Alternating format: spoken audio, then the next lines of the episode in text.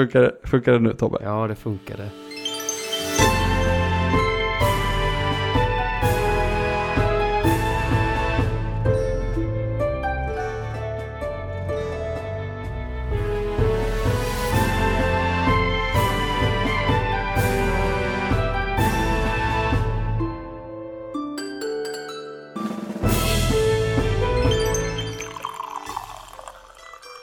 Det där lät som kaffe ur en termos. Stämmer jättebra.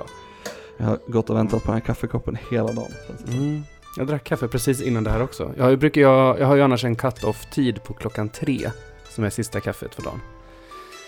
Men det har varit en väldigt jobbig dag. Jag brukar ha 18 som min cut-off-tid, men jag har sovmorgon imorgon och jag hade nog tänkt att spela Borderlands alldeles för sent ikväll så att jag kan behöva lite koffeinhalt i mig. Mm. Det blir lite hönan och ägget här tänkte jag säga. Att det kommer ju spela Borderlands för att du har druckit kaffe för att du inte kan sova. Men jag har ju planerat det eftersom jag har sovmorgon imorgon. Ja just det. Ja. Så det hönan är ju faktiskt i det här fallet eh, betydligt mycket före ägget. Men det är också kul med det där med hönan och ägget för att det, det finns ju ett rätt svar på det. Jaha. Det, ja, men det rätta svaret är ju att eh, hönan kom först, eller att ägget kom först och sen eh, ur det kom en höna. Eh, och för att ur det som, var, det som kläckte ägget var inte de facto en höna eftersom att det, det hade hänt någonting Var däremellan. hönans föregångare. Ja, precis. Deras neandertalare. Lucy, L- Lucy?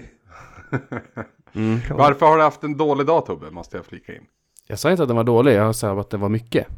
Jobbig tror jag. Jobbig kanske var. Nej, jag är bara överjobbad. Det är extremt mycket att göra på jobbet just nu. Okej. Eh, och, det är och, inget och, bråk som har hänt. Nej, nej, nej. Eh, och lite, lite sömn. Det, Ja. det kan jag ju skylla på, på Gävle. Ja, det kan du definitivt skylla på Alltså, Gävle. jag tyckte vi Jag- sov bra ja. Alltså, Fast det är, det är ju inte, det är ju, det är ju mängden tid tror jag snarare. Alltså vi, vi kanske kom i säng fyra på natten och sen så ringde ju klockan till nio. Ja, ja. man ska på bussen sen då, eller tåget. Ja, och jag somnade inte på tåget heller. Nej, det, det gör man ju när man, ska, när, man, är- när man inte har- är bakfull. Då somnar man ju jättebra på tåget. Mm. Men när man är bakfull då är det ju lönge fan i att sova på tåget. Mm. För att eh, så absolut. Eh, ka- ka- kapa några timmar där. Men natten mot lördag så sov vi ändå åtta timmar utan Mm. överdriva. Mm, Det mm. var skönt. Det var bättre. Jag, måste, jag har varit så jävla, inte, alltså, inte avundsjuk, det vart jag inte. Jag, vart, jag, vet, jag vill också streama i Gävle, eller med eh, Tobbe och, och Anders. Du fick borta längtan. Ja, men jag, precis, jag fick borta längtan. Vilket fint ord. Ja. Det, har jag nog, in- Mm. det har jag nog inte hört. Nej, det blev, jag kom Ehm, på det- det nu. det, blev, det blev ju en riktigt eh, trevlig stream faktiskt. Jag tror Ja. både för oss och de som tittar. pang-stream verkligen. Den var perfekt skulle jag vilja påstå. Tack. Men jag sa det, jag funderar på vad vi skulle streama ihop vi tre, men jag tror vi har kommit överens Vi, vi, om. ja, det har väl vi bestämt nu här. Ja, Mm. vi, ingen tidsrymd, men vi ska spela. Du, Anders och du ska ta, dog- eh, ska ta revansch på Donkey Kong Country. Mm. Från senaste gången ni försökte streama det. För då var inte du med. Det var Nej, då var Peter inte- och Ivan då eller? Ja, någonting sånt. Men jag, men jag har ju spelat det, eh, så här, maratonspelat det flera gånger. Ja. Eh, och har, ing, har inte haft några problem med att klara det på ja, men en kväll. Liksom. Eh, det är inte så långt det här spelet. Så jag, så jag sa det, jag, borde, jag, jag kan vara med som någon, något, någon form av proof of concept. Liksom. Jag tror det, det, det som hände när vi streamade det där, det, det måste vara fyra år sedan Anders. Mm. Jäger, det- jägergroggen hände. Yes, jägargrupp. Vi, alltså vi pratade om det i helgen och jag påstår att inte vi ens kom förbi gruvbanan. Anders påstår att vi kom nästan till slutet. Ni kom till vatten, eller vattenvärlden höll jag på att säga. Ni kom till va? isvärlden. Ja, och det är väl nästan slutet. Det är, väl- om inte Det- sista världen så är det näst sista världen. Det är åtminstone den absolut största flaskhalsen. Det svåraste partiet ligger Ja, där. för det är när Mm. snön kommer och allt det här va? Ja, men så, det finns vissa banor där som är riktigt helvetiska. Nej, för gruv, Men- gruvpartiet tar man ju. Den, den sitter ju nu. Det är, det är liksom inpräntat sen, sen många, många svordomar som barn. Gruvpartiet är det ju mest bara att man, även om man har, även om det är jobbigt så är det så här, till slut, när man har tagglat den tillräckligt många gånger så sitter den ju. Mm. Det är bara, det är bara att liksom sätta in det i muskelminnet. Du behöver ju inte, eh, ja, man behöver inte vara jätteduktig på spelet. Det räcker med att bara trycka rätt tid. Mm. Vet ni vad? Berätta. Det här är avsnitt 290 av, av Svamppodd. Visst är det sjukt? Det är helt sjukt. Sinnessjukt. Eh, framför er, eller bak i eran, för det mesta telefon, kan jag tro, sitter jag, Glenn, i Lindesberg. Tobbe, Mm. Borås gissar jag. Mm. Mm. Och Anders i Gävle. Ja, Yes. Och vet ni vad? vad? Vi har spelat massa spel. Eh, ja. Hurra!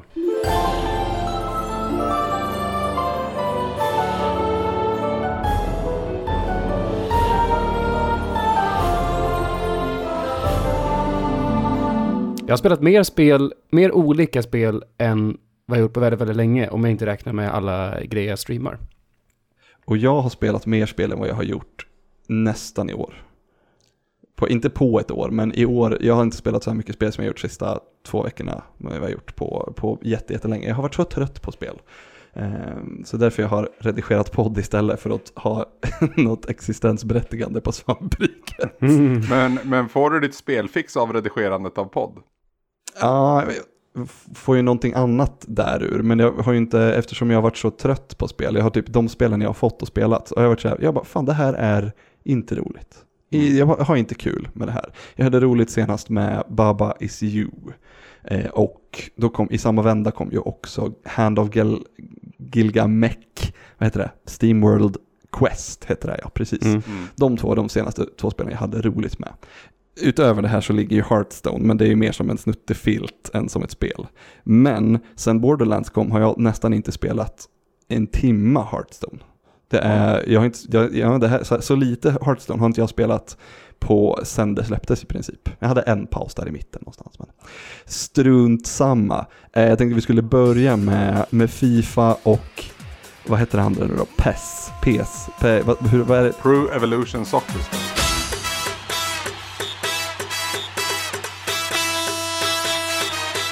Domaren blåser.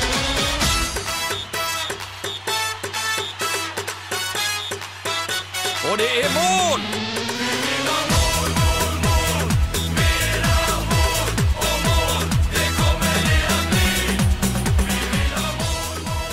Just det, och sen, men det var, det, den titeln är ju längre än så. Den har ju typ tusen ord i sig. Nej, de har lagt till något E framför bara för att kunna kalla det e-sport tror jag. Jag tror- I PES 2020. Ja, ja, det vore ju konstigt om det var Evolution Pro Evolution. men, men någonting på E. Ja, jag är inte hundra Men vadå, PES står ju för Pro Evolution Soccer? Ja. Ja, men det är ett E framför också. Ja. Vänta nu, va? De har lagt till ett E framför. ja, jag tror det har någon e-sportsförklaring där. Ehm, jag, jag recenserar ju inte spel och jag har inte köpt Pro Evolution Soccer. Så jag vill börja med att liksom stävja all jävighet, eller jag vet inte om det är jävigt, men allt sånt och bara säga att jag lovade att jag skulle prova och prata om det i podden, så nu gjorde jag det. Mm. Ehm, Jag, tror att, jag tror att alla på svampriket eh, tackar och tar det vi får. För att jag tror inte det är någon, förutom kanske Ludde som är, för Ludde har ju också spelat Mm. eh, Pe- PES tror jag. Jag tittade ju på. Ludde och Landons uppgörelse där, där Landon vann. Jag har några tips till Landon nästa gång jag ser honom också. Nummer ett, skulle- att dribbla inte med Smalling. Om du spelar som United. Smalling är, han är nu utlånad från United, men han är en mittback och han kan fan, han har ju liksom stenklossar till fötter. Han har noll touch. Så den sista personen du ska dribbla med. Innan vi går in och börjar nu. Det är något som jag, när jag har lyssnat och så här, jag kan ju ingenting om fotboll. I Fifa finns hela Champions League. Ja. Förutom Juventus. ett lag. Och det finns i Pro Evolution Soccer. Ja. Pro Evolution, ju- Pro Evolution har ju fler lag, ska sägas. Ja. Men Jo, jo, jo, men, men inte något lag ur eh, den arguably största ligan i Europa. eh, jo. Okej. Ja, alltså de har, de, de, de har ju liksom inte en licens på samma sätt. Utan jag tror de har en uppgörelse mot, mot varje individuell klubb. Så går det till Premier League till exempel, eh, Englands liga, om ni inte visste det. Så har de till exempel United men de har inte Liverpool, vilket jag myste lite i. Ehm, men alltså det, det är ju samtidigt så här, det heter ju inte Liverpool FC utan det heter ju typ någonting annat men liknande. Och spelarna heter någonting liknande. Liverpool. Ja. Eh, det där var ju klassiken annars att så här eh, Romaldo och så vidare har man ju sett genom åren. Ja, det, jag tänker på sån här, eh, när jag var yngre, jag var på, på semester till eh, Turkiet ett par gånger. Mm. Eh, och då man köpte klockor och skor och så stod det, eh, inte, det stod inte Rolex, det stod Rylex och liknande. Eller så kunde det vara något, något typ, Nike-tecknet på skorna fast det var upp och ner och Mm. liknande. Ja, sådana grejer. Jag ska börja med att säga att det var säkert fem år sedan jag provade ett PES-spel senast. Och jag vet att, eller jag vet, men jag har på känn att i många avseenden så är kanske PES bättre än Fifa givet, eller, ja, and a given year. Så att säga. Eh, Men det beror ju på också vad det graderas som bättre, för det finns ju några aspekter att ta hänsyn till. Eh, För mig så väger den här just licensen väldigt, väldigt tungt. Och, och när det kommer då till Juventus som inte finns i Fifa 20 nu, och jag är oklar på varför, eh, vill jag säga. Det, finns någon att- teknikalitet där, men eh, jag känner inte till väl- hela historien. Pengar som har bytt händer är väl det närmsta. Ja, fast tro, menar du då att det är eh, Konami-gänget som har betalat för att Juventus inte ska finnas i Fifa? Nej, de har betalat för att det ska finnas i, i, i PES. Ja, det är väl Ja. en exklusivitetsgrej bara. Ja, det måste vara någon exklusiv. Det, ja, det, lå- det är jättekonstigt i alla fall. Men spelarna finns ju där. Eh, det är bara att laget heter annorlunda. Och dräkten, och, och, eh, jag, jag tror det är snarare någonting med Juventus varumärke. För de har ju gjort en liten, liten förändring i den klubben under de senaste åren. Där de har börjat tänka mer kortsiktigt kanske. Och eh, vill ju jätte, jättegärna ha den här Champions League-bucklan. Så att de försöker få in dollars lite här och var. Ja, för jag tänker att det måste vara billigare att köpa ett lag än alla. Jo, jo. Eh, så är det nog. Inte, inte per styck då såklart, Det är inte jämför i pris. Man kan inte gå och kolla på den här lilla gula lappen på Ica. Ja, för sanningen är väl Ja, att budgeten för Konami måste ju vara mycket mindre än vad den är för EA. Rimligtvis. Ja. Jag, jag, Eh. jag forskar lite grann om i här för övrigt, alltså E framför. Tydligen så Ja. är det officiella namnet e-football Pro Evolution Soccer 2020. Så, Så är det. Så Eh, var det. och det förkortas ofta som e-PES. Och E Mm. står helt enkelt för eh, att de, deras satsning på e-sport. Mm. Ja, det, det var precis ungefär, För- precis ungefär vad Anders sa. Med eh, PES League och e-football Pro Tournaments. Ja. Jag har fått det också. Ja. Eh, jag vill fortsätta börja, nu gjorde jag en sån. Jag vill fortsätta börja med Pro Evolution Soccer, för det kom ju faktiskt eh, någon vecka innan Fifa här. Jag, jag, både jag och Ludde var lite fulla tror jag och, och sa att men Fifa släpps ju veckan efter. Jag tror Ludde säger det, Quicktip eller något annat. Hur som, ehm, jag spelade där lite grann och på många sätt så känns det ju väldigt, väldigt bra. Eh, framförallt en grej som, som är viktigt för mig, det är att det blir väldigt snygga mål. Alltså det, det ser snyggt ut presentationsmässigt. Eh, spelarna rör sig naturligt, bollen beter sig som en boll bör bete sig. Och det har inte den här styltigheten som Fifa har dragits med typ två, tre år nu i alla fall. I, ibland ser det jävligt speligt ut när ett fotbollsmål eh, blir i, i Fifa. Och jag tyckte inte under min korta session att jag fick samma eh, vibb riktigt i, i PES. Eh, och sen, jag då som gillar att spela karriärsläge, det är ju i stort sett det enda jag spelar förutom att spela vanliga eh, matcher mot kompisar liksom. Eh, jag värderar ju det jättehögt. Eh, och karriärsläget i PES har ju kommit en bit på väg när det kommer till att liksom kunna rollspela din, din, din manager också. Där du, ja, där du har presskonferenser inför match, du pratar om laget, du, ja, så. Och det är ju någonting som då Fifa har adopterat in till i år. Men i mitt tycke inte gör alls lika bra, utan det blir mer en plojgrej än så länge i alla fall. Ehm, en, en stor faktor till varför jag kände att eh, PES kommer inte gå så mycket mer hemma hos mig nu är ju Du Tobbe fick ju höra nu hur mycket min PS4 låter när den belastas. Eh, ja, den håller på att Ja. Mm. Och jag antar att det är för att det behövs någon, någon typ av eh, processorkraft, grafikkortskraft. Jag vet inte riktigt vad det är. Men det, annars har det ju varit cutscenes i Fifa. Sen det började med cutscenes i förhandlingar och sånt. Har ju alltid fläkten gått upp så att det, jag tror att liksom PS4 ska lyfta från marken. ja men det är helt sjukt. Och jag är ändå en, alltså, det låter, jag vill inte, men jag har en Pro. Den borde inte vara sådär. Den är inte så jävla gammal. Men jag har väl något jävla måndagsex eller någonting sånt. Jag vet, Det kanske, det, det kanske för att den är pro så är, blir den liksom ännu varmare. ja, jag vet inte. Helt Ja. ärligt. Men så beter sig eh, PES när jag spelar matcherna. Det vill säga den absolut längre. För jag har ju kommit undan där att när jag spelar match i Fifa så, så är den ganska lugn. Det är ju de här jävla cutscenesen som är när man förhandlar ett nytt kontrakt eller köper spelare eller någonting sånt. Och det är, då är det över ganska snabbt. Men en fotbollsmatch är ju längre.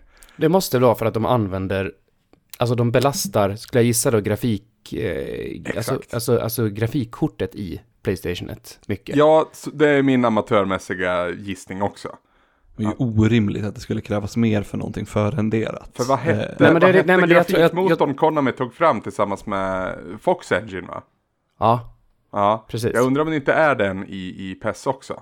Eh, jo, det är det. Ja. Jag har Och då är det den jäveln som, som håller på att spränga min maskin. Nej men alltså cutscenesen i, i Fifa är väl inte förrenderade? Det är väl det som är grejen va? Ja, det är väl jag. in-game, eh, alltså in- in-engine. Precis. Finns det någon jävel som kör förrenderade cutscenes nu för tiden ens? vet Jag inte. spelade ju... Eh, ah, du tappade jag bort vad det hette. Red alert 3 för inte så länge sedan. Det var, det var, det var riktiga. Ja. Nej, men alltså det, det knepiga där är i så fall att när du spelar match i Fifa så låter den inte alls lika mycket. Nej. Utan, Min, min kommentar Det- om hur det ser ja. ut i Fifa förresten Anders, det är ju Mm. att, att, eh, att eh, jag tittade på lite grann nu när du spelade och jag ser så sällan Fifa. Mm. Jag kände väl att det är alldeles för cleant för att jag ska kunna missta det för en fotbollsmatch på tv. Mhm. Det, det är för rent, det är den här klassiska plastigheten, det, det, det ser inte verkligt ut. Det ser har en glossiness över sig. Ja. Mm. Eh, och det, ser ut som den här, eh, kommer ni ihåg den videon på en drönare som kör efter en bil, efter en eh, Formel 1-bil? Ja, just det. Jag minns som, den. såg ut- som såg ut som att det var tv-spel, för att det var för, för fluid eller vad man ska säga. Det var Ja. liksom, det, det, så, där kan inte, så där kan inte en, en kamera röra sig eh, på riktigt. Men det, kun, det kan den ju uppenbarligen idag eftersom vi har en sån drönare som flyger framför bilen, eller bakom bilen. Ja. Men lite, lite så att det, det, man, när man tittar på Fifa så ser det ju, ja precis, för cleant. Det är för, för, för, för eh, flytande, eller vad man ska säga. Mm. Sen så, sen så lite andra detaljer som jag tänkte på, det var ju eh, fortfarande så ser publiken helt för jävlig ut. ja. Ja men det är många små detaljer som är liksom så här. Vill man verkligen att man ska fånga liksom den riktiga fotbollskänslan på titt, som man tittar på en match så är man ju bra bit ifrån fortfarande. Ja. och det är de här små detaljerna, de väger mycket tillsammans. Eh, och många av de buggar då som, som Fifa 20 karriärsläget nu dras med. Jag antar att det kommer en patch inom någon vecka som, som styr upp det mesta. Men det är just sådana här små detaljer. Till exempel, om jag ska köpa en spelare eh, så kommer agenten in i en eh, Lazio, alltså i en Lazio-kavaj. Fast spelaren i fråga inte alls spelar i Lazio. Så agenten håller tydligen på Lazio. Och det är alltid Lazio. Av någon konstig anledning. Det spelar ingen roll vart du köper spelaren. Det är en sån här grej som bara sticker mig i ögat. Här alldeles nyss så blev jag erbjuden 0 kronor för en spelare i transfersumma. Alltså bara för någon, typ en timme sedan. Och han är värd, han är värd noll enligt eh, liksom uppskattningen. Men det är bara så jävla konstigt. Han är Det också... var ingen Korpen-spelare. Eh, han är 40 bast. Eh, det är alltså, det är, ha, för, ja. I mitt Fifa 20 då så har jag, det, det här är nytt för i år. Gud, jag måste ta det här från början. Men man har ju alltid kunnat, man har alltid kunnat haft eh, karriärläge antingen som manager eller som spelare.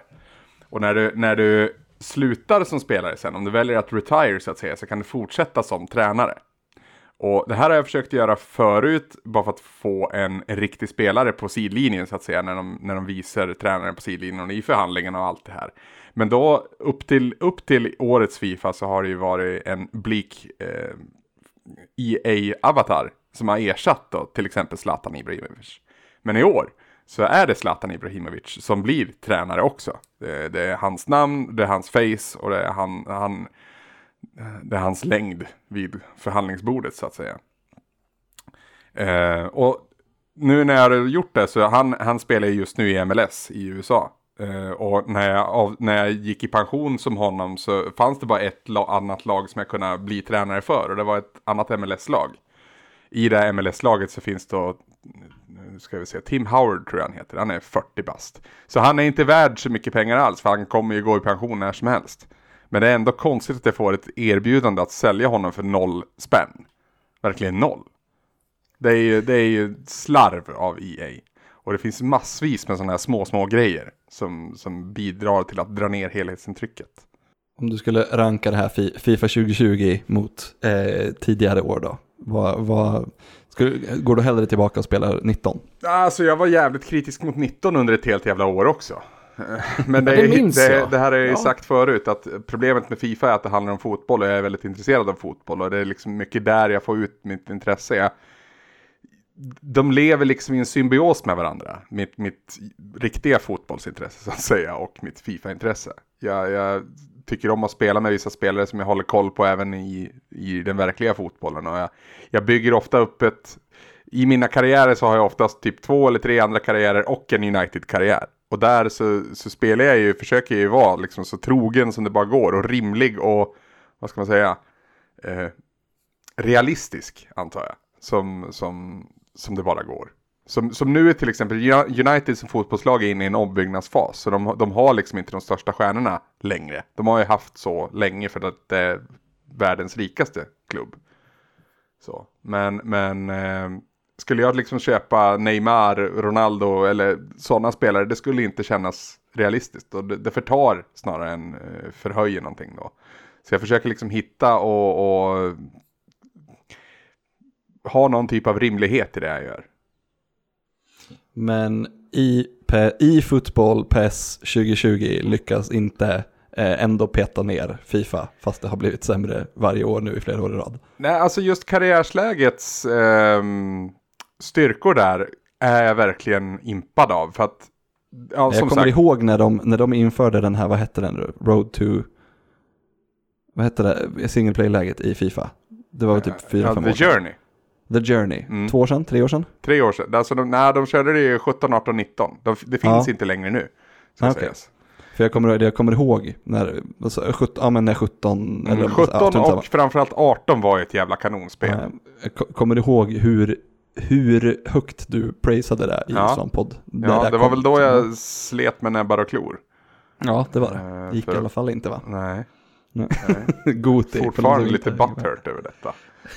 Det kan det få vara. Ja, för det var Mafia 3 som tog den platsen. Och det, alltså Mafia 3 var inte ett dåligt spel på något vis, men, men det, var det någon gång som Fifa skulle in på topp 10 så var det ju då. Men ni, ni bara slog lock, lock för öronen och vägrade lyssna på mig. Och det kanske är för att jag pratar så jävligt, jag vet inte.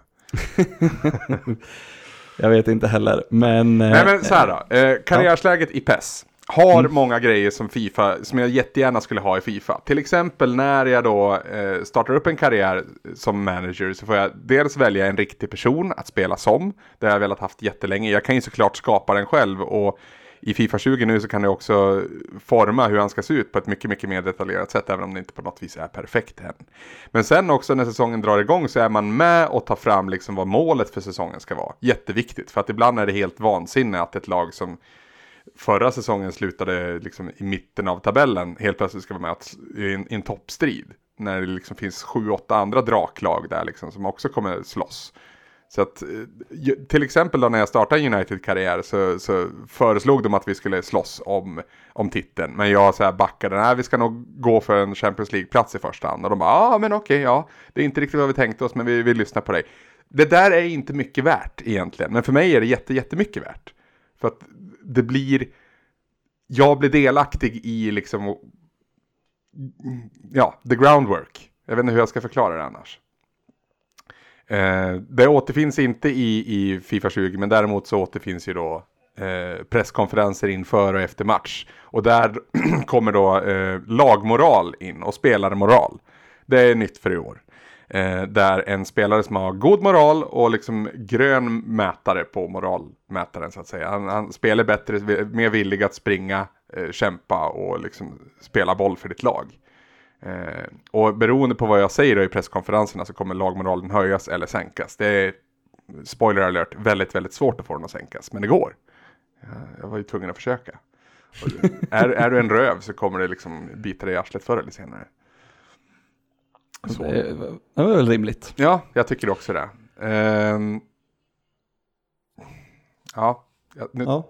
pun intended, tappade jag bollen lite grann. Du vet, man sitter med massvis med grejer man vill, man vill ta upp.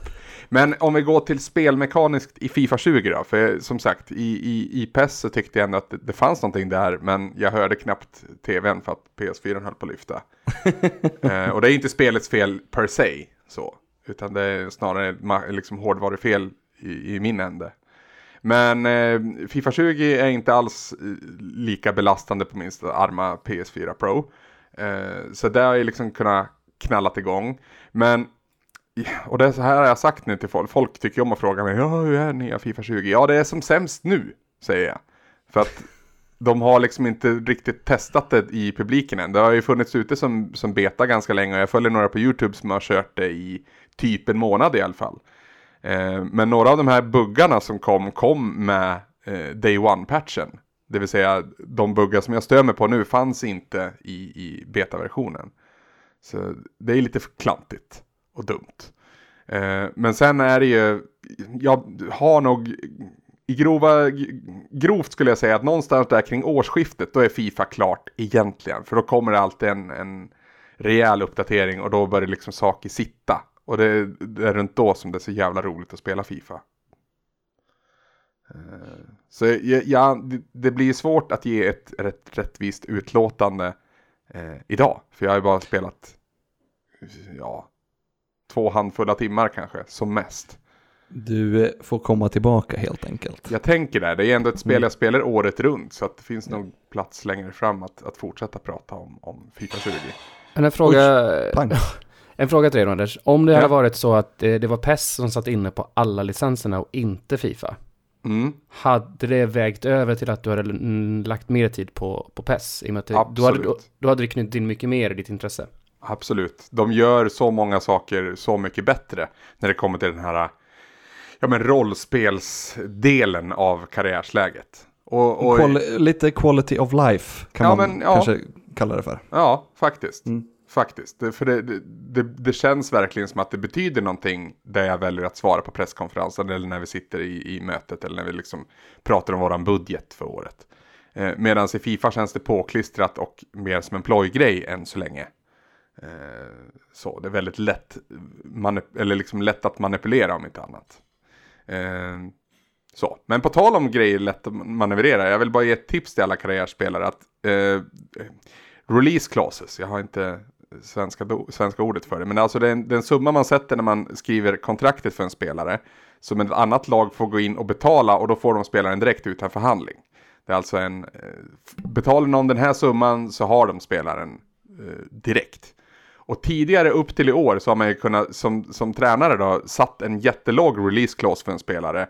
Och sen bytt lag som tränare, gått och köpt den spelaren som du satte för den här låga summan och liksom cheatat systemet på det här sättet. Men gör det där idag, alltså sätter du en spänn under vad den är värd, då får du kicken.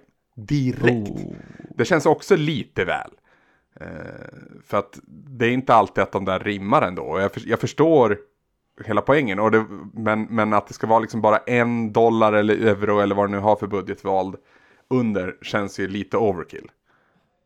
Samtidigt så vill jag också ge en liksom, uppmaning till karriärspelare att det är ganska kul att få kicken. För då får man massa andra så här, lowball erbjudanden och så får man kämpa sig upp igen. En av mina absolut bästa karriärer var när jag fick sparken från Everton, hamnade i Palermo, så vidare till Lyon och sen i Atletico Madrid. Det var fortfarande en av de bästa karriärslägena jag spelat. Det var jätte, jättekul. Anders, Ja, du har nu eh, pratat om Fifa och PES eh, alldeles, alldeles ypperligt. tack Så ska du att ha. det, du, behöver inte ha, du har inte behövt vara nå nervös. Nej, Nej. Vad vad- vad bra. Ja. eh, Tobbe, Mm? vad, hur Link's Awakening?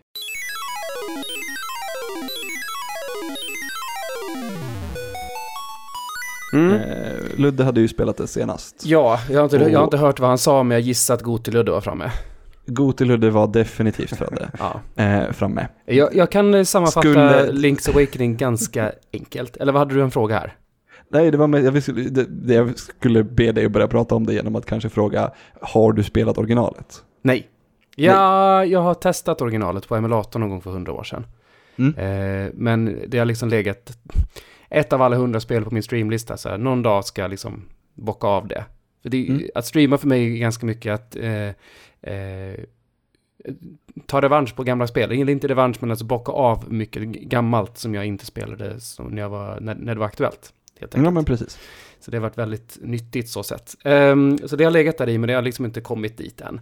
Men ehm, jag visade upp det lite grann för Anders. Ja, jag är eh, två dungeons in. Mm. Och, Ja, du tog eh, väl den andra dungeon hos mig? Ja, precis, precis. Ja. Så att jag har ju fått fjärden så jag kan hoppa och sånt där. Mm. Eh, Det... Kan, du, kan vi, förlåt, innan du bara, du har fått fjädern för att du kan hoppa, kan vi komma överens om att, att det är eh, inte vanligt för, eh, för Link att kunna hoppa på det sättet? Nej, jag förstår... den byn i alla fall. Nej, det är det väl inte, men samtidigt så förstår jag inte vad What's all the rage is about. Den här diskussion, vi hade den här diskussionen, jag tyckte det var så orimligt att du bara, va? Han har väl kunnat hoppa förut? Bara, ja, inte samma sak. När man springer i, på 64 när man springer mot en kant och hoppar. Det är ju inte samma sak som att plattformshoppa i det här spelet. Nej, men jag har plattformshoppat i Zelda 2. En jäkla massa. Jo, men i, i Zelda 2, det- är ju på, det är, ma- jag, det enda jag hör är bara massa ifs and buts. Man kan hoppa i Zelda. det är inget konstigt. ja, ja, ja, man kan hoppa i Zelda. Jag, jag, Stranda inte här nu för fan. Låt Tobbe prata istället. Nej, jag, min, min känsla hittills är att det är... ehm, det, är- det är ett A Link to the Past i, i ett uppenbart bärbart, mycket mindre skala format i en lite gullig yta. Eh, och sen så är det extremt speligt i att här är en buske, snart får du ett svärd. Då kan jag Metroidvania gå tillbaka, hugga ner busken och gå vidare. Och där är en, en svart sten. Oj, jag hittar en grej så kan jag lyfta den stenen lite senare. Det, det, det, det, kommer inte överraska mig ett skit det här spelet. Men det gör kanske inte så mycket. Det är lite gulligt och lite fint och det är mysigt. Men Jag tänkte säga, jag tänkte säga det, att, att, att det är liksom A Link to the Past. Att det är en snä, det, det är ju, säger ju snabb, liksom, det hamnar på pluskontot snarare än någonting annat. Om du frågar Ja. mig i alla fall. Ja, det, det, det gör det väl, men det är ju... Om, om man är ute efter en, en, ett spel som kommer överraska en och förvåna en och kanske lyfta någonting igen så Då är ska inte det här inte spela spelet. ett Zelda-spel överhuvudtaget. Nej, Ja, det nej, kan och man kanske ju- inte ett Zelda-spel som är remakat och 20 år gammalt Nej. heller. Det är, å andra sidan, det finns ju, eller A Link Between Worlds gjorde, gjorde ju liksom lite nya grejer och sådär. Och visst, det är ju en remake på ett gammalt spel, men, men det är också precis vad du får. Så man ska inte tro att eh, det här revolutionerar på något sätt alls, utan det är gulligt. Det ger det. Och sen är det, Men sen det är det klassisk Zelda, men det är också en fördummad klassisk Zelda. I, I litet format. Hur Men är menar du när du typ- säger fördummad då Tobbe? Fördummad som i att... ehm, vad ska man säga? Det, jag säger inte att det är dåligt, jag säger snarare att det är... Eh, ehm, Är det uppenbart? Allting? Ja, det är uppenbart och själva liksom så här scopen med vad de ville göra med det är så mycket mindre Mm, än, vad, än okej. vad Link to the Past är. Det, är- det, är, det är inte alls så gränslöst som framförallt eh, Breath of the Wild är, utan det här är ju totala motsatsen. Och för mig, så- Ja. för mig, för mig så är det en känsla som ofta hänger ihop med bärbara spel, att, att eh, de inte riktigt tar ut svängarna riktigt, utan det är liksom en, en, en, en fördummad, inom citationstecken, eh, upplevelse. Ja. Men Det här är, det är ett spel från original Gameboy som hade två färger eh, och eh, ja men det var det som fick, finns, fanns att tillgå liksom. Eh, det är väl den, den kritiken som man faktiskt kan skicka på det här spelet ordentligt att ingenting i det förutom putsningen är ju nytt. Det, finns ju, det, det här spelet gör ju absolut ingenting eh, för att ja men hitta på någonting skoj eller vad man ska säga. Det, blir, det är ju bara, Men det- det, är exakt samma spel som det var förra gången. Med det, med det sagt så kan vi titta på eh, en annan remake som kom för två år sedan och det är ju eh, Metroid 2. Som också är ett Gameboy-spel, som också är eh, så att säga en liten fördummad version av Super Metroid. Eh, men som där remakerna, eh, då menar jag båda två, Mm, eh, gick, gick, gick åt varsitt håll och gjorde någonting annat, någonting nytt. Det verkar inte det här Zelda ha gjort. Det har bara klistrat, liksom slappat på en, en gullig yta. Mm, precis. Det ska bli spännande att höra när du är klar sen om du, i, om du fått någon sak som du inte riktigt var beredd på eller om det var genomgående bara, ja det här hade jag väl rä- räknat med. Mm. Mm. Sure. Oavsett, så det, det är kul att det, är kul att höra att du spelar Switch av någon anledning. Jag vet inte varför. Du, jag fick ju den här känns- reaktionen i chatten också när jag berättade att ja, jag ju, köpte ju Zelda i fredags när det Mm. släpptes. Och folk bara va?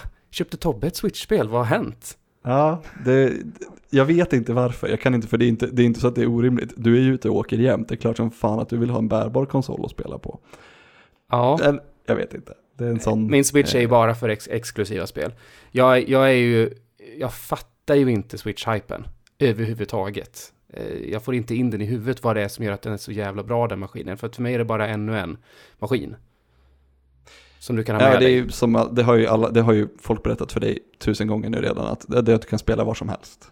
Ja. Ja. Wow. Wow. Men var som helst menar du att du kan, ja men alltså ja. För min del, inför i alla fall, nu tycker jag väl inte att det har besannats riktigt än. Men det är att de, de har ju haft två olika stall av utvecklare i Nintendo. Jag såg framför mig att de skulle liksom samla detta stall till ett kanonstall.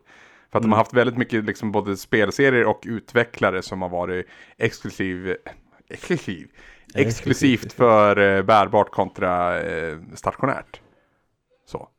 Så- Ja, men så, så har det nog varit. Och det är väl jätteskönt att se att de kan satsa på en plattform istället. Mm, exakt. För det finns ju jättemycket 3DS-spel som jag inte har spelat som bara för att jag inte har en 3DS och inte vill sitta bärbart. Mm. Nej. Så Det är mitt ja. största problem också med switchen, att jag tycker inte om att spela bärbart heller. Men, men ibland är det skönt att kunna. Jag tycker det är skönt att ha möjligheten att kunna spela. Fast det är väl Breath inte ett problem då? Det är väl inte ett problem? Eller är problemet att vi inte får 3DS? Eller hur menar du? Nej, alltså, det är inte, det, det, det är problemet det är att, va, eller va? Jag, Du, sa jag men att du jag sa mitt största problem med Switch är att jag inte gillar att spela bärbart. Nej men det behöver Ja, jag men- ju inte. Nej, exakt. Så men det är inte ett problem. det är ett icke-problem Glenn. Nej, okej. Eh, du har rätt. Det är mitt största problem med switchen är att jag eh, uppskattar inte bärbart och ibland så känns det som att många av spelen är eh, bärbara spel. Jag Hur har inte du spelat då? ett enda spel på min Switch bärbart. Jag har 100% kört eh, dockat. Ja. Eh, eh, Gl- Glenn, berätta vad du menar med bärbart spel, för det kanske är samma sak som jag menade med bärbar känsla i Zelda innan. Ja, nej, men jag, tycker, jag, jag älskade Link's Awakening på mitt Gameboy när jag, när jag var eh, liksom grabb och satt och försökte se genom eh, bilrutan, eller inte genom bilrutan, men med ljuset genom bilrutan Mm. och spela. Mm. Eh, men, men så fort jag kom hem så slutade jag ju spela det, för att jag, spel, jag spelade det inte för att det var ett fantastiskt, jag tyckte, så här, jag spelade det inte för att jag älskade spelet, jag spelade det för att ha någonting att göra när jag var iväg. Mm. Och, och, och sen har jag spelat det igen på till exempel Super Game Boy, när jag sätter i det i, i Super Nintendo och spelar. Men det är fortfarande, det, det är uppenbart att det här är ett bärbart spel eh, jämfört med till exempel eh, Link, eh, A Link to the Past. Ja, precis. Det, är- det, Mm. det, det är ju det där som jag syftar på, på med en fördummad upplevelse. Mm.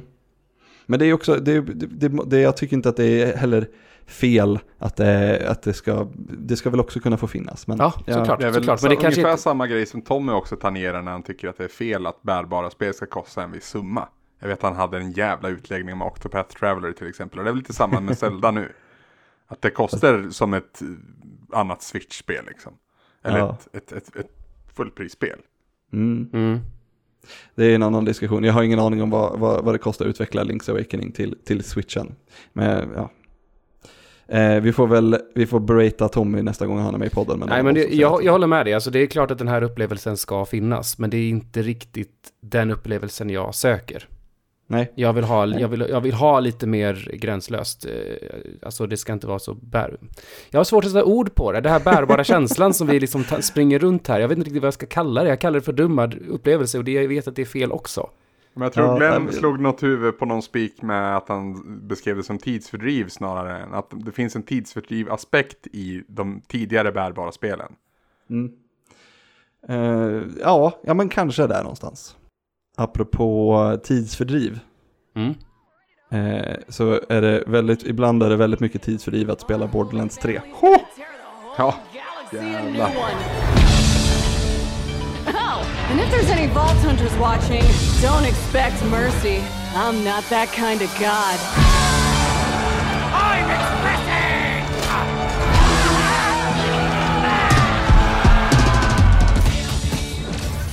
Jävlar, alltså dels tidsfördriv så, men ibland så är det ju så mycket förutom att spela som du måste göra i Borderlands.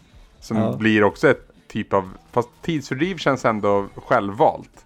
Ja, och det är inte alltid självvalt i Borderlands 3.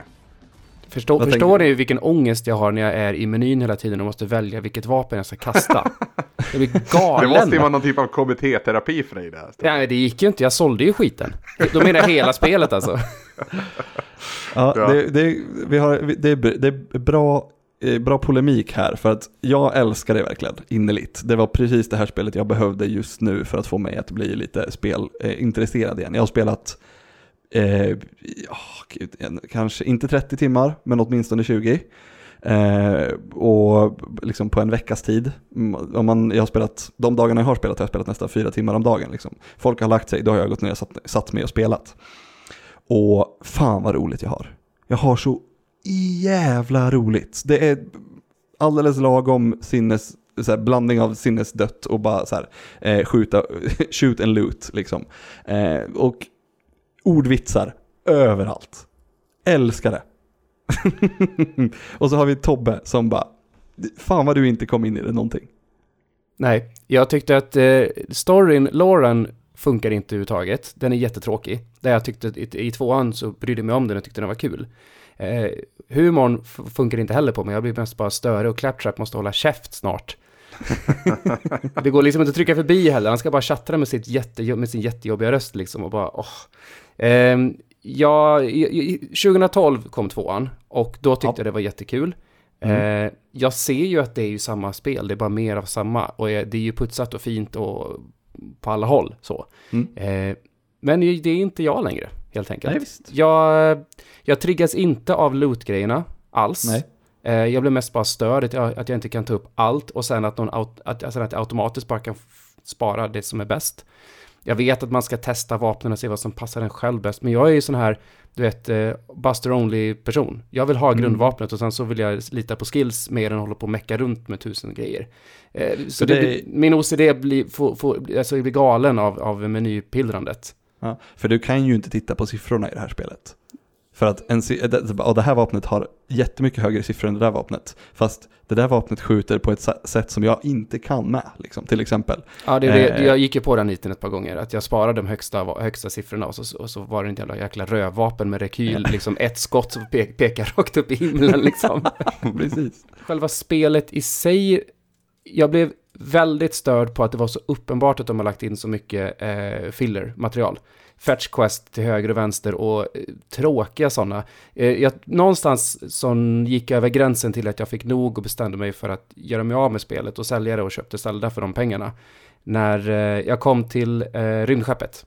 Mm. Och så skulle man springa runt där och göra, göra en jäkla massa fetch quests på det rymdskeppet och, och det fanns inte ens fiender att möta. Det fanns, ingen svår, det fanns ingen utmaning. Det var bara sjukt störigt att springa runt i det här labyrintskeppet. Jag blev bara arg. Fast det hade ju, det, funktionen med det var ju att du skulle lära dig hitta på skeppet. Men varför måste de göra det så förbannat jävla stort då? Det är jätteonödigt. Ny- mycket som ska få plats.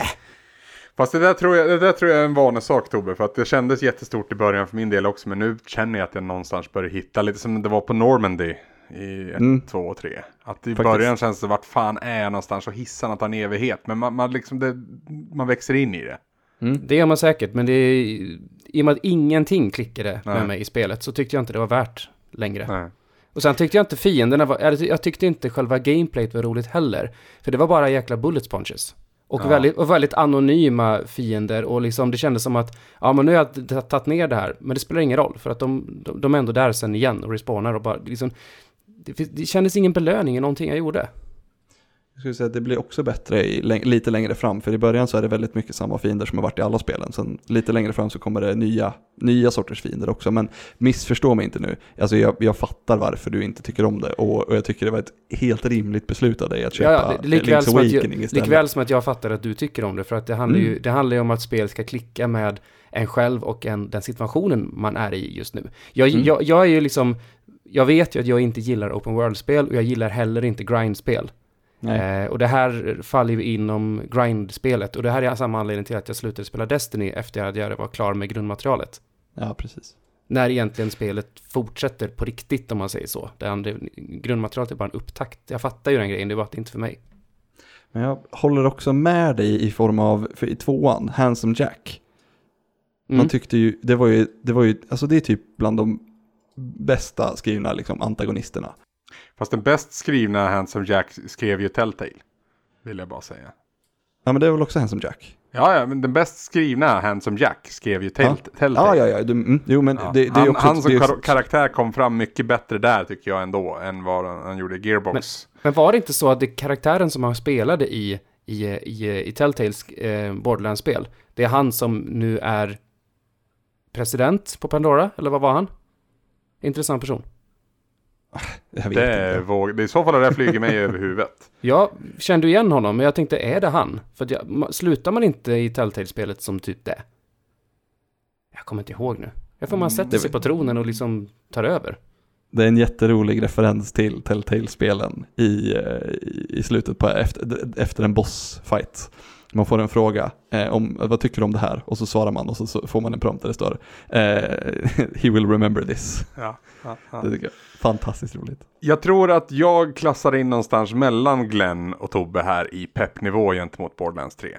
Jag har ju in, faktiskt inte köpt spelet, men jag har också spelat det.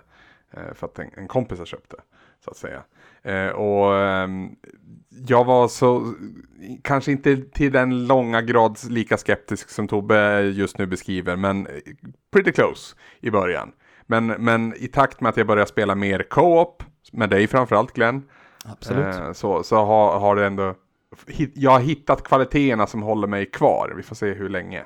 Men, men det är ett jävla ok och mycket liksom suck och stön över Borderlands 3 också. Och det, det känns som att det är liksom system byggda på varandra utan att egentligen ta hänsyn till varandra ibland. För det är så mycket och det är så mycket pill. Och, och det skulle kunna gå att streamlinas utan att någonting förtas. Jag är fullkomligt övertygad om detta. Alltså, menyerna, speciellt eh, fast travel-menyerna är ju horribla rent ut sagt. Ja, ja men ja. Fast det det sista jag skulle tänka på. Att, ja, skitsamma. ehm, sen gällande de här vapnen, alltså det, problemet är att man kan ju sitta och späcka och bli jävligt nöjd. Men det är ju bara nöjd i typ 2-3 level. Sen är ju de vapnen värdelösa i förhållande till vad det ställs upp emot. Ja. Oftast tycker- är det ju så. Eh, är- Ibland har man någon, något sånt här darling-vapen som, som följer med en eh, bortom liksom tre levlar. Men det är, det är väldigt, väldigt sällsynt. Men samtidigt, när du sitter där med fyra kompisar, eh, eller tre kompisar då, ehm, öppnar ett volt.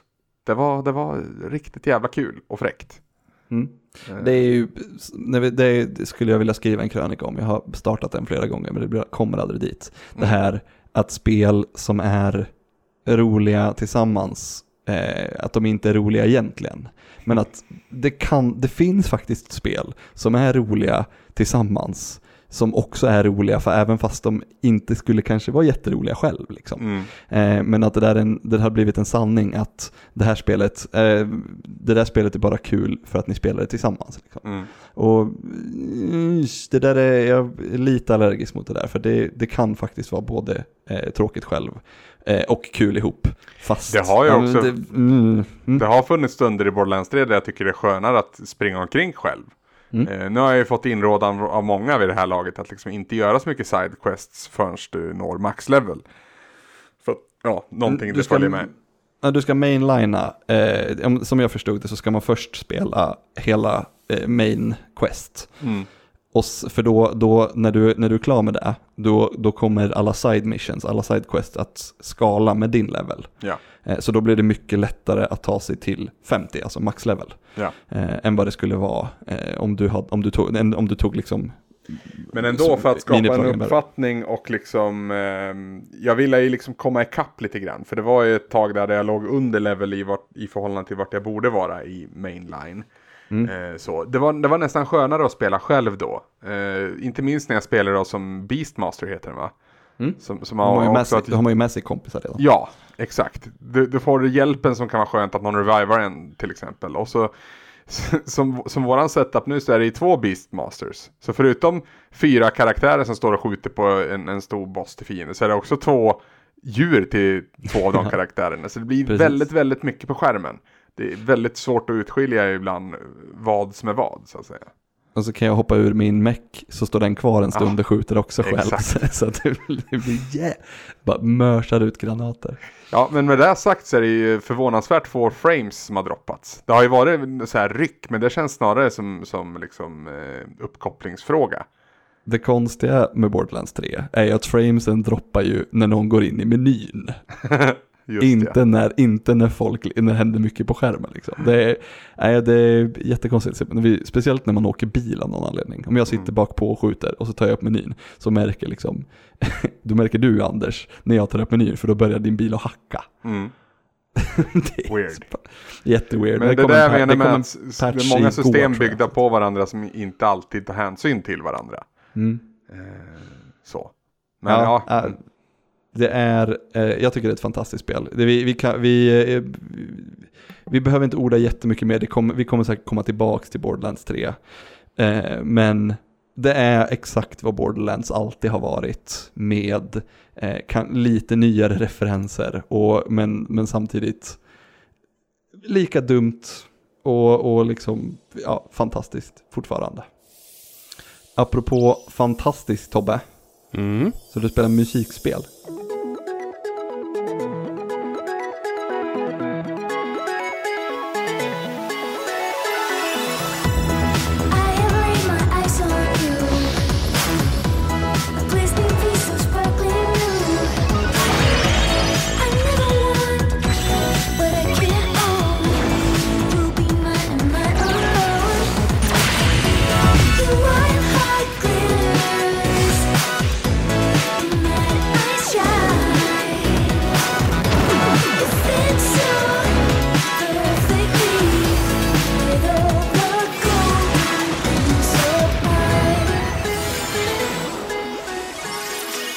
Sayonara Wild Hearts. Ja, Simogos eh, senaste alster. Ja, De är ju, Tobbe alltså- typ tvingade mig här i helgen. Ja, ja, jag sa till Anders, här, det här är en timme, sitt här. Satt, satte kontrollen i näven på honom. Eh, så satt jag och typ tittade på igen, Ja. för att jag har redan spelat det en gång. Eh. jag- Det ska sägas att jag passade controller med Emily också, så det var inte bara jag. Men eh, om jag inte spelade så backseatade jag. Ja, eh, det, är ju ett musikspel. Spel. Anders, hur ska man ens beskriva det? En audiovisuell upplevelse är lite klyschigt. Interaktivt popalbum. Ja, typ. Ja, men det, för det, det, det tar typ en timme att spela igenom det. Och storyn är väl någonstans att det är en tjej som bor i Malmö som gillar falafel, för spelet börjar på en falafelställe. Niklas sa för övrigt att han visste vart det låg. Falafeln, det är riktigt. Gissar att Simogo sitter i Malmö.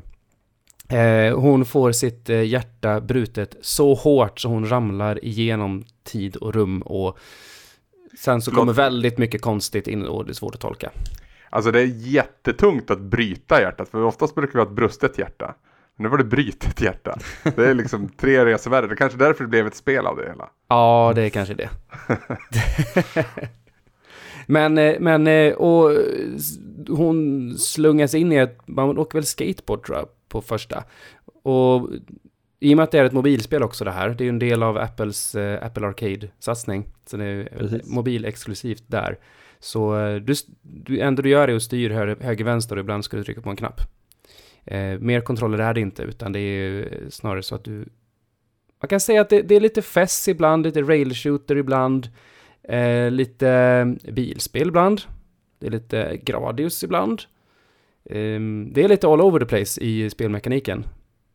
Mm. Det- men det Fast det jobbar ju fortfarande med få inputs Ja, hela tiden. eh, och reaktionärt spelande om det går att summera det så. Ja, och, och high score-jagande. Ja. Eh, du får ju grading hela tiden, alltså du behöver inte ta någon score alls för att, för att komma igenom storyn. Men du får ju en story, eller en grading hela tiden och du kan ta guld på banor och sånt, vilket krävs om du ska låsa upp saker. Ja. Eh, och jag måste säga att och sto- storyn var ju, du kan ju skita helt och hållet i storyn och bara spela det som en som ett jäkla liksom digitalt LSD-knark rätt i venen ungefär. För det är, det är ungefär, vissa banor, Anders jag tror du vet specifikt en bana, var ju verkligen helt, helt bananas. Eh, det- Super trippy. Ja, verkligen, men det är supersnyggt på Mm. alla sätt och vis. Men storyn är nog det som ändå greppar mig mest, för jag gillar ju liksom så här överanalysera stories i spel och sånt, speciellt så här David Lynchiga, svårtolkade saker. Eh, det finns jättemycket där om man, om man vill. Utan att säga Ja, för alltså det är, ju- det är ju väldigt mycket öppet för tolkning Mm. framförallt. Jag skulle inte beskriva det som svårtolkat, utan snarare eh, brett utrymme för tolkning. Det kan man också säga. Ja. Ja, Man kan också skita i det helt och hållet. ja, ja absolut. Absolut. Men, men ja, det, det ska inte heller understrykas hur, hur snyggt det är att titta på samtidigt som det också låter snyggt samtidigt. Och det, det, otroligt bra fartkänsla genom allting också. Det, Ja, det känns ja. hela tiden som att det är på väg någonstans. Det är skit som händer hela tiden. Det gör inte så mycket om du misslyckas med någonting. Förutom att du kanske får silver istället för guld och så vidare. Mm, mm. Men det är väldigt, väldigt lätt att liksom så här, bara fortsätta spela lite till. Och helt plötsligt så är spelet över. Det, vi, har- vi har ju säkert en liten kort lista i skallen, eh, vi, vi, vi tre här, på när man träffar en icke-spelande kompis och ska Mm. liksom så här, det här kan tv-spel också vara. Mm. För, att, och, för de kanske tror att nej, men tv-spel är bara, eh, inte vet jag, CS. Eller om det är tv-spel är bara Super Mario 1, för de har typ inte sett tv-spel sedan dess. Eller, Eller någonting Fortnite. liknande. Eller Fortnite. Eh, det här är ett superbra spel att sätta i händerna på dem. Det här kan Mm. tv-spel också vara. Eh, jag tror Journey ligger nog också där på min lista. Journey ligger i. Det var det första jag tänkte på när det gav mig Jag ska nog säga att Portal också ligger på den listan. Det är lagom Ja, långt. det är problemet, ja lagom långt, problemet att det är eh, FPS med handkontroll. Alltså Mm. det är ett jävla hurdle att komma över om man inte har spelat någonting innan. Mm. Eh, The Room eh, är också ett, eh, jag tror att det är väl mestadels iOS eller eh, mobilspel, men Ja. det är så pussel, pusselspel. Ja.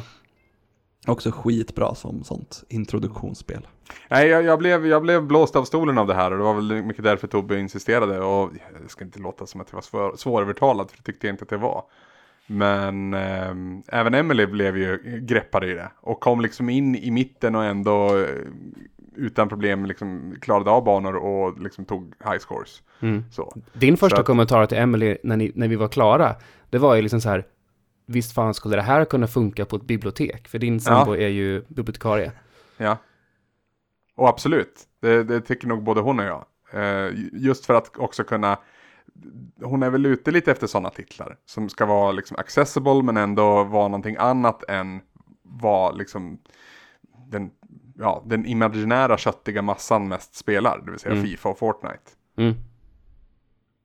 Mm. Typ. Om man går på hur det ser ut på hennes bibliotek i alla fall.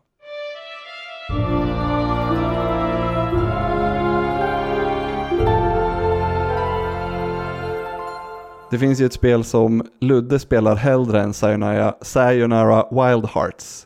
Och det heter Mario Kart Tour. Kan vi inte prata om det haveriet kontra fullständiga eh, lyckträffen som Mario Kart Tour är och eh, har blivit. Vart kom haveriet in? Jag förstår inte. Att det är så jävla dåligt. Jaha, okej. Jag tycker Ja, det, det, var, det, var, tycker- det var ett och samma spel. Det lät som att det hade två spel att jämf... Ja, ja, jag, jag missförstod. Ja, ja, jag tycker det är fantastiskt. Jag tycker det är, jag, jag har spelat två banor tror jag. Och jag, jag, ingenting som får mig att vilja spela mer. Nej, jag spelade, jag spelade en bana precis när vi höll på att rigga upp podden här och vi satt och pratade innan vi tryckte på rec. Eh, Ja. och man, jag, fick välja mellan en normal styrning och driftstyrning. Mm. Jag valde driftstyrning för att drifta bör man annars dör man. Eh, Det är Mario Kart, det är klart man ska drifta. Ja, men det var ju helt rövig styrning för att det enda man gjorde, det var ju enda sättet att svänga. Ja. För då hoppar den och driftar hur jag än, hur jag än gör när jag trycker höger och vänster. Jag blir galen. Att- mm. Men samtidigt så har det laddats ner eh, 20 miljoner gånger tror jag. Det laddades ner på första dagarna. Det spöade Pokémon Go va, som hade den titeln innan på mest nedladdat första dygnet Mm, tror jag. Ja, absolut. Och alltså, jag, för jag, jag kommer ihåg när, när vi, när vi, jag kommer ihåg i Svamppodd när vi diskuterade att Nintendo skulle börja göra mobilspel. Och jag bara, är ändå positiv till det här. Jag tror, för då hade jag, jag tror jag, det var något OS-spel, alltså Mario och, och Sonic. Mm. Och jag bara, det här skulle passa så jävla bra som ett mobilspel. Alltså enkelt, eh, accessible och bara minispel och, men fan det här skulle kunna funka skitbra. Spela mot varandra, två knappar bara. Och sen så kommer det här istället liksom. Visst, vi kan diskutera eh, Mario, Mario Jump, vad fan heter det? Run. Mario Runner. Mario, Mario Run, ja precis. Som var bra på sitt sätt, men som också var så här, hade jag ändå velat haft mer. I alla fall jag. Jag tyckte det var skitbra. Jag, jag älskade Ja. det. Ja. Jag ville ha in det på Goti vill jag minnas. Ja. det var också ett spel som kostade 119 kronor om jag inte minns Mm. fel. Eh, Mm. där Ja, du fick, där du fick första gjorde det rätt världen gratis. Ja, det kändes helt rätt. Det var det gamla shareware-tänket när de Ja. släppte det där. Eh, men det här verkar ju vara helt klattrat med microtransactions. Mm. Precis som Dr. Mario-spelet var för några månader sedan. Mm. Det var ju också pissdåligt. Mm. Ja. Jag är bara besviken på att Nintendo eh, liksom upplåter sina fantastiska IPn till, till bajs. Eh, nu är jag hård, men fan, jag, jag, blev, jag hade hoppats på att det här skulle vara eh, ja, men ett, ett jätteroligt litet, litet spel att ha i fickan och spela upp, dra upp och spela en match mot folk lite random därför att alla kommer spela det här. Och så visar det sig att man spelar inte ens mot riktiga människor. Det fanns ju en tid då mobilspel rent generellt hade liksom intressanta saker för sig. Men den tiden känns som förbi. Utan att jag liksom doppat ner hela foten i, i pölen så att säga. Så, Mm. så det, det känns som att det är, för att det ska liksom vara ekonomiskt försvarbart eller gångbart ens. Så måste du liksom lägga in eh, microtransactions. Nu är det här med engelskan igen. Eh, men mikrotransaktioner. Alltså att du, du ska liksom ha en stadig källa av inkomst även efter någon har köpt eller laddat, laddat ner titeln. Mm, precis. Ja, jag minns ju också när vi sitter i något svamppodd, vad kan det vara, 2012 eller något sånt där, och pratar om, eh, de säger att ja, de, de bärbara spelens död när, när mobilen kommer ta över Mm. allt, kommer utkonkurrera konsoler och allting liksom så här. Eh, men det som hände var ju helt enkelt att, att det var ju gratisspelen, eller då på den tiden var det 9 kronors spelen före folk, de fattade det här med microtransactions. Eh, det var ju det som tog över. Och med det Ja. var ju, kom ju kvaliteten därefter. Jag menar, hur mycket spel på iOS släpps idag som kostar liksom 300 kronor plus? Det finns ju inte. Antar jag. 300 Nej, alltså- känns lite väl, men säg 100 då igen. Men varför? Varför skulle Mario Run. 300 300 vara för mycket om det är liksom samma kvalitet som ett, säg ett 3DS-spel för 300 spänn? Nej, jag, jag tror det handlar om att du inte kommer nå någon topplista för att för få kommer köpa det vid, vid, vid den prislappen. Och det, det känns som att det är viktigt för den typen av spel ändå. Med Ja, den install base som iOS ändå har. Ja, precis. Men det, det är lite det som jag menar här, att det har jobbat in sig till att spel måste vara så på Ja. mobil, vilket stänger ute all form av liksom genuina kvalitetsspel. Nu säger jag inte att det är något fel på spelen som finns ute, men det är ju en helt annan... Vi Men pratade här kan man förut, väl ändå förut om... hoppas på Apple Arcade då? Som Ja, är kanske. liksom någonting Kanske. annat. Kanske. Men då tror jag Apple måste stoppa in lite pengar till dem. Ja. Jag, kan, jag har spelat två eh, eh, riktiga sådana spelspel som jag har betalat mycket pengar för på eh, min iPad. Båda, var, båda var portningar eller? Det ena var XCOM, eh, vad, vad kan det vara från 2012 också någonstans tror jag. Mm. Eh, fantastiskt, funkar skitbra på iPad. Det andra är Civilization, kostar också, jag tror det kostar 300 också. Eh, Civilization 6 tror jag. Tyvärr så det funkade inte lika bra därför att eh, det, så fort du, så, så fort du tog, eh, stängde av appen så Eh, eller inte stängde av appen utan så fort du tryckte på home-knappen och gick in igen så rebootade den spelet. Det var som att den inte orkade hålla den eh, igång så, i bakgrunden Ja, liksom. gud vad det är jobbigt. det Ja, händer. så det, det funkade typ inte. Okej, ko- kan ni relatera till den här då? Man är inne på typ, säg Instagram. Eh, och så ska man bara typ så här dubbeltappa ut, man ska titta på någonting i, eh, man ska googla upp någonting eller vad som helst. Och så går man tillbaka, äh, då, re- då reloadar den så du är längst upp igen. Oh. Jag hatar det. De måste fixa den grejen, man blir galen. Vad har vi för oss på svampriket då? Ni spelade Wily Wars här om veckan i Mm. lördags. Nej, apropå Gävle. Vi började lördags, i. Gävle, vi kan väl avsluta i Gävle också. Mm. Jag fattade som, jag trodde, jag fick, det, jag fick för mig att det här var nya spel. Som, alltså inte att det var, jag vet ju att det är remakes på 1, 2 och 3 till eh, Mega Drive, eller hur? Mm. Men jag trodde, de var, jag trodde de här var nya. Att det var så här, någon, någon som hade fått för sig att sitta hemma och fixa. Nej, De är i så- ropet ja. igen snarare för att de finns ju på den ganska nyutgivna Mega Drive Mini heter den va? Precis. Eh, backstoryn här är ju att de utvecklade detta, eh, släppte det i Japan. Eh, och sen släppte de det bara i Europa i väldigt begränsad utgåva och aldrig i USA.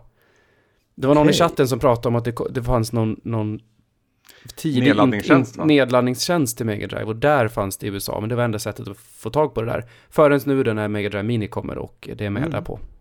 Hela streamen finns på svampriket, eh, YouTube Ja. Slash svampriket.se. 8-9 timmar eller vad, så spelar, vad spelar ni på? Ja, 8.40 någonting sånt blev det i slutändan, ja precis. Tre spel och sen ett litet. Ja, det var väl det som var nytt då för, för min Mm. egen del. Det är exklusivt för, för Mega Drive och för den här samlingen också. Mm. Men eh, jag skulle väl inte säga att det var den stora liksom, Payoffen, high nej. pointen på något vis. Nej, det var inte speciellt bra. Det var mer bara att, ja det var banor med lite remixade eh, fiender. i- Liksom så här, i ett, på en skärm kan det vara liksom någonting från ettan och någonting från tvåan och någonting från trean samtidigt. Ja, det kändes lite klipp-klistra där. Faktiskt. Ja. Skulle inte ett Mega Man Maker funka? Jo, absolut. Jävlar vilken bra idé det är. Helvete, jag har inte tänkt tanken först du nu sa det och det, det är en skitbra idé. Vilka ska göra det då, Anders? Jag och Tobbe. Let's do it! Sätt det i händerna, jag säger sätt det i händerna på typ Inti Creates. Det är de som har gjort Mega Man eh, 9 och 10. Mm. Mm. Tobbe, Mm. du är fan nästan klar med, med Disneyklubben. Till slut. Disney-dags. Disney-dags. Ja. Fast det hette också Disneyklubben samma program där ett tag. Det, var det samma först. program? Vilket av det var Alice Bama i? Båda. Du bytte namn. Det var ju Alice Bah, E- Eva Röse och han från eh, Tjej? Johan. Ja. Johan, han ifrån, eh, ifrån Kaffe Kaffe Bärs och, och vad fan heter det andra? Han gjorde ett eh, fantastiskt ja, typ program som heter Sören. Om ni, om ni kommer ihåg det. Jag, jag, jag var tvungen att youtuba eh, introt på Sören. Det var fan, fantastiskt. Slutet av 90-talet skulle jag tro. Där han var någon typ av kärleksguru. Men skit i det. Du är nästan klar. Vad är sista spelet? Vad sa du Tobbe? Det allra, sista, det allra sista spelet är eh, eh, Fantasia till Mega Drive.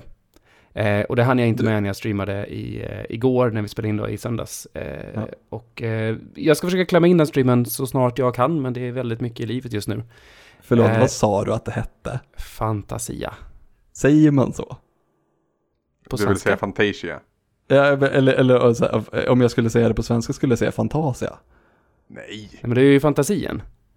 Ja, men Fantasia. ja, fan- ja. jag, jag, kan, jag kan köpa Fantasia, men, men, men Fantasia? Nej, men Det så, har vi, bara- så, har vi, så har vi sagt när vi har sett reklam för det. Jag, har ingen, jag vet knappt vad det är. Förutom att det var typ en av de, en av de tidigaste eh, musikalfilmerna som släpptes på det här Ja. sättet. Jag har Ja, inte mm. sett Fantasia.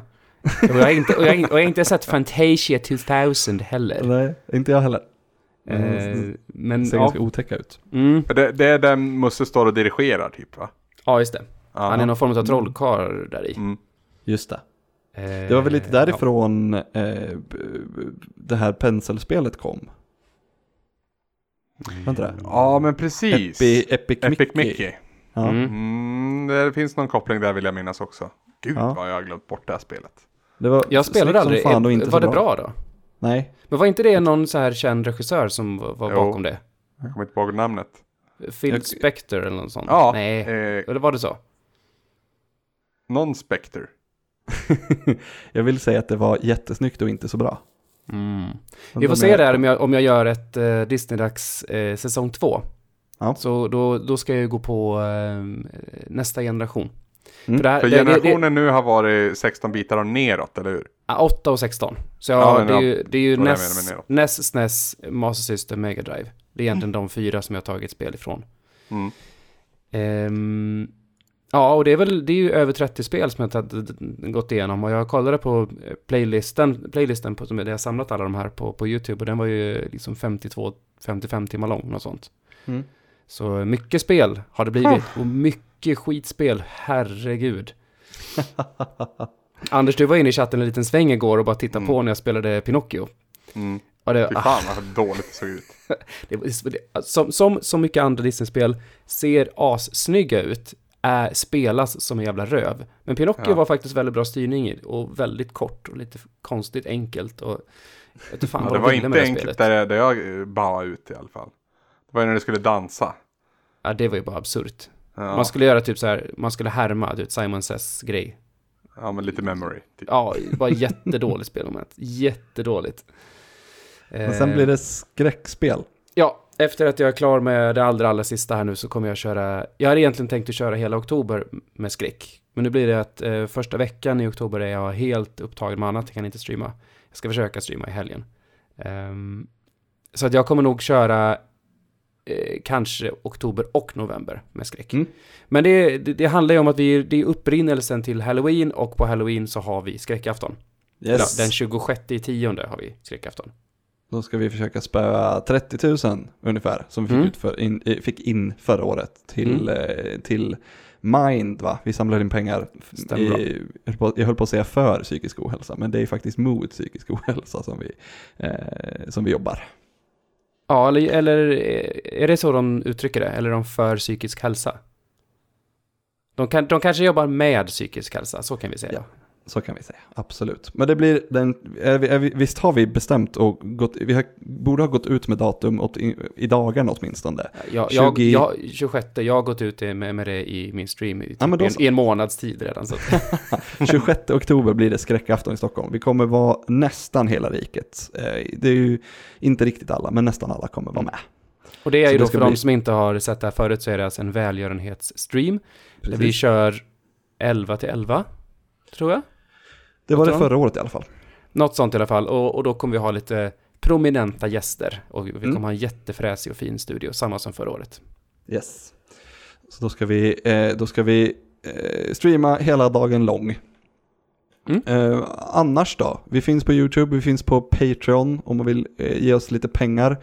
Där finns en säsong av AFK Podcast, Tobbe, Ludde och, och Tommys egen, egen snickrade eh, filmpodcast om spel, film som har blivit, spel som har blivit film, eller hur? Precis, och det vill man lyssna Mm. på ett sånt avsnitt så är, finns ju det i, i det här poddflödet. Det släpptes Just ju det, förra sista veckan. avsnittet på första säsongen är Just för alla.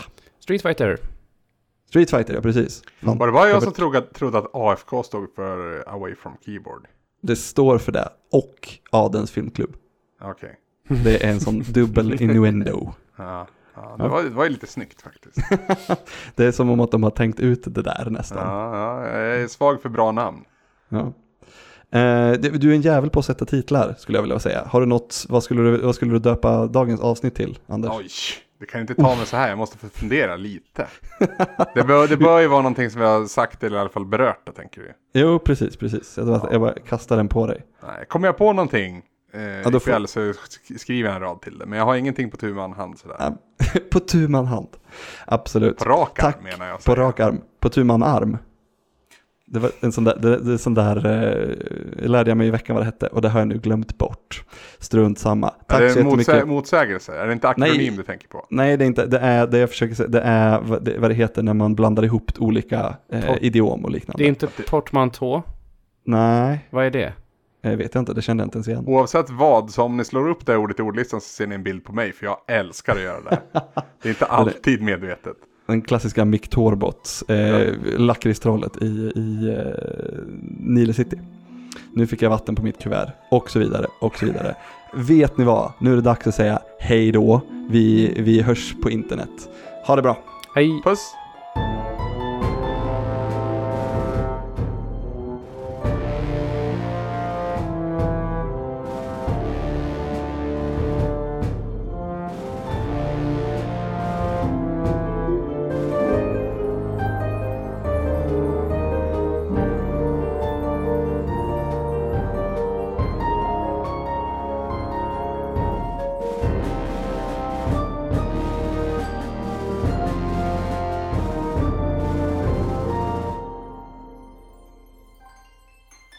Apartment A is a linguistic, linguistic blend of words in which multiple parts or, uh, or their phones vadå phones? Are combined into a new word. Typexempel är som förklarar. Smog är egent, kommer egentligen ifrån smoke och fog. Det är en portmanteau.